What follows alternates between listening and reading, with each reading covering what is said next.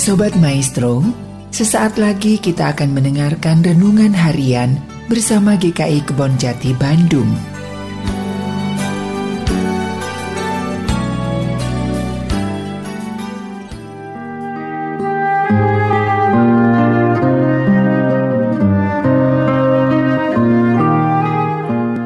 Bapak Ibu dan saudara yang dikasihi Tuhan Yesus Kristus, berjumpa kembali dalam renungan harian hari ini bersama saya Esther Solihin.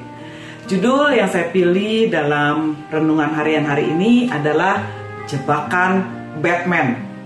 Firman Tuhan akan saya bacakan dari Injil Yesus Kristus menurut kitab Matius pasal 22 ayat 17 sampai dengan yang ke-21. Demikian firman Tuhan.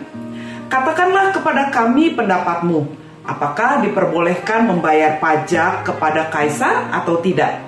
Tetapi Yesus mengetahui kejahatan hati mereka itu lalu berkata, "Mengapa kamu mencobai aku, hai orang-orang munafik? Tunjukkanlah kepadaku mata uang untuk pajak itu." Mereka membawa suatu dinar kepadanya. Maka dia bertanya kepada mereka, "Gambar dan tulisan siapakah ini?"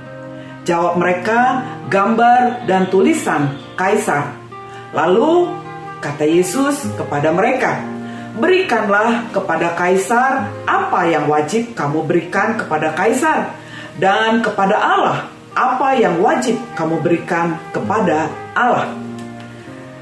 Bapak Ibu yang dikasihi oleh Tuhan Yesus Kristus, jebakan Batman adalah istilah yang sering dipakai untuk menunjukkan bahwa ada perbuatan atau sikap dari seseorang yang dengan sengaja dilakukan terhadap pihak lain yang penuh intrik dan tipuan sehingga pihak yang dijebak tanpa sadar masuk dalam perangkap dan kemudian mengalami sebuah kerugian bahkan mungkin penderitaan.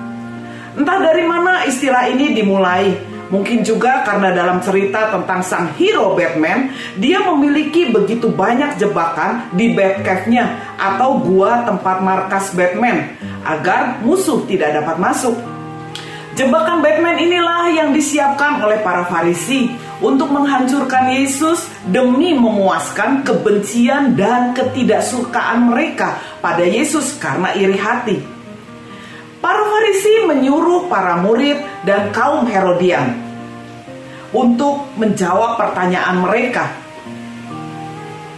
Bapak, Ibu, dan saudara yang dikasih oleh Tuhan Yesus Kristus, siapakah para Herodian ini? Kaum Herodian adalah suatu golongan bangsa Yahudi pada masa Kristus yang menjadi pengikut Herodes baik dalam hal politik ataupun dalam hal beragama atau bahkan kedua-duanya layaknya partai politik pada saat ini.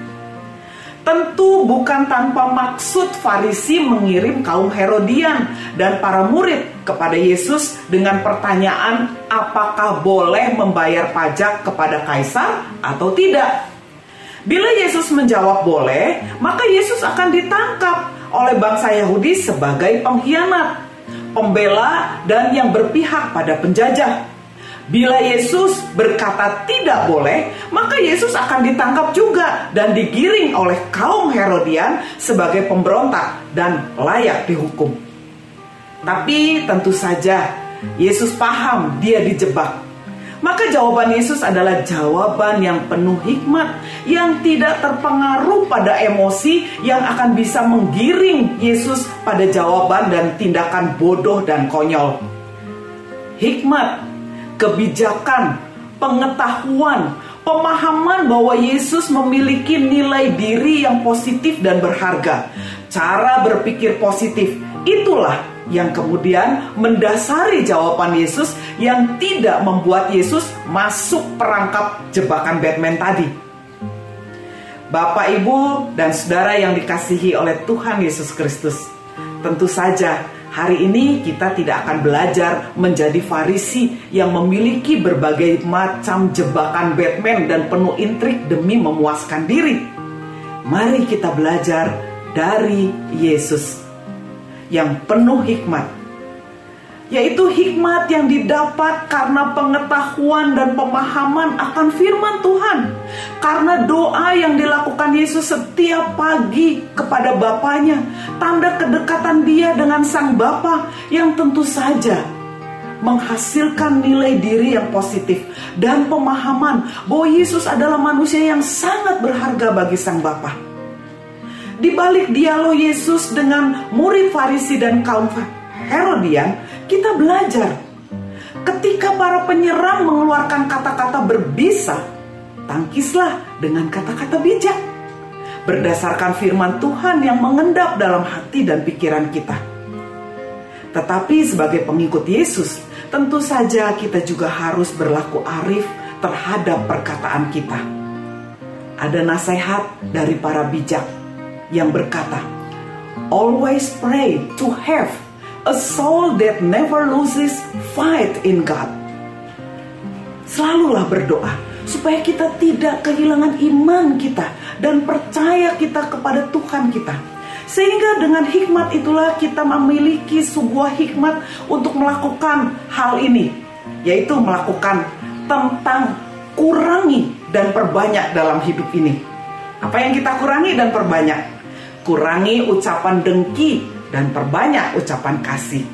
Kurangi mengejek dan perbanyak ucapan menghargai Kurangi kata yang melemahkan, kata-kata yang memojokkan, kata-kata yang menuduh, kata-kata yang menghakimi, menganggap pihak lain yang salah, menganggap pihak lain lemah, menganggap pihak lain bodoh dan patut dikecam dan ditekan. Dan ubahlah serta perbanyak kata-kata yang membangun, kalimat positif, kata-kata yang mendorong, menguatkan, meneguhkan, memulihkan Tentu saja tidak mudah, apalagi bila sudah menjadi sebuah kebiasaan kita. Bisa saja kita membela diri dan berkata, "Memang aku begini, memang aku ini orangnya." Ya orang lain mau terima atau enggak terserah. Bukan soal itu. Tetapi hari ini mari kita belajar. Bukankah menjadi murid adalah proses terus-menerus kita harus belajar. Dan kita adalah murid Yesus dan saat kita masih ada waktu yang kita jalani, tentu berarti masih banyak waktu bagi kita untuk membuktikan bahwa kita adalah murid yang berjuang untuk berhasil melakukan pelajaran dari Sang Guru, yaitu Yesus Kristus. Tuhan memberkati. Amin.